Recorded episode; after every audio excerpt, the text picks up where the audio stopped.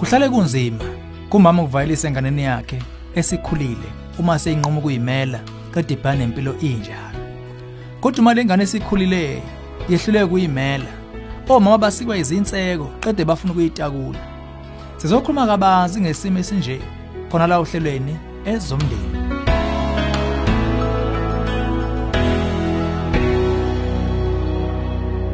Kwamnandi uba ngiphinde ngikubingelele. Ezomndeni uhlelo lakho lulethe izeluleko eziphathekayo ngabaka focus on the family. Sibhale nanku umbuzo ohlabayo kumama onongqubuzano ehlizweni yakhe ukuvumela nomyeni wakhe. Ngakube mina nomyeni wami sisize indodana yethu esikhulile kwazi ukubhekana nezinkinga zayo zezimali. Lokhu sekube umdonsiswano omkhulu emshadweni wethu. Isiyimele kodwa iyehluleka. Uma ngithi mina sisize ngosizo oluncane lwezimali, uyisithi cha cha cha asiyeke imele ukufunda umzimba bempilo. Mina ngikhathazekile ngayo. Nicabanga ukuthi senze njani? Phambi kokuba wenze utho, udinga ukusebenzisa isimo somshado wakho oqala. Akwakho imqondo ukujaha ukulungisa izinkinga zezimali zendodana yakho kube kusenenzika esemshadweni wenu okumele uqale ngayo uqala. Udaba londodana wakho lusemqoka kodwa kuhle ungabe imqondo munye kwenu emshadweni kumele kulunge lokho. Sikhuthaza uqala uhlale phansi bese uyayikhuluma le ndaba ngesineke nangokuvuleleka. Kodwa ungakwenzi lokhu uma ungaphansi kwengcindezi. Kunalokho hlela isikhathi esihle. Kungaba ukuyophuza ikhofi restaurant bese niyiphunga nalo le ndaba. Bhekana nesimo ngendlela ezonipha umqondo wodwa njengabashadile. Kusemqondo kusho lapho ukuthi hleze lolu ngqubuzana enibhekene nalo lungenxa ukuthi abesifazane abekho kubuka kunye nabesilisa ngokunjalo. Amadoda avamise ukusebenzisa amagama amaphuza acacisiwe kunye nokulawula ukulungisa inkinga. Kodwa abesifazane bona bavamisa ukuncika ngobudlane kanjalo futhi nokuzuza ukubumbana ngesenzo.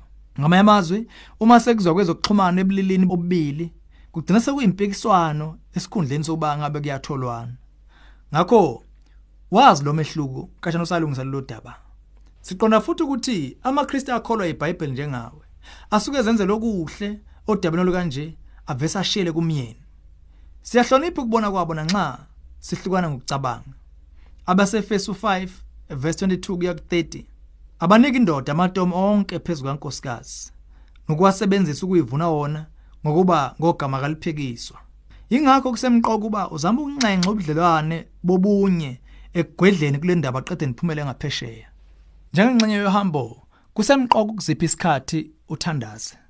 Kwesinye isikhathi ezinye impikiswano zidala ulwazi oluncane olungashiwongo. Isikhathi sokusho indaba uthi ngoba isikhathi soba ngixoxeni le ndaba. Kumbe kokubili.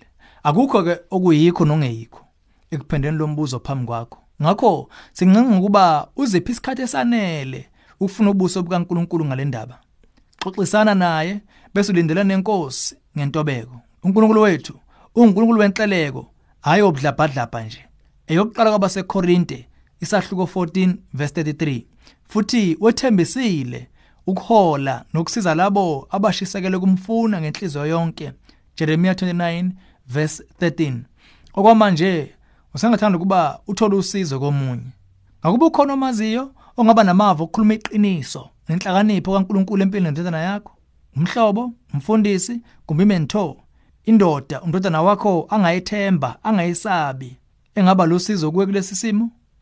Kusemqoka ke ukuhlonipha nokugcina imingcele nezingane sezikhulile lokhu kungaba ngomunye umbono omuhle ukuqila lomngcele esihlokweni semingcele singathanda ukukhuthaza uthola incwadi ethi setting boundaries with your adult children etholakalayo esitolo sethu esi-online ku-safamily.co.za lolu hlelo ezomndeni.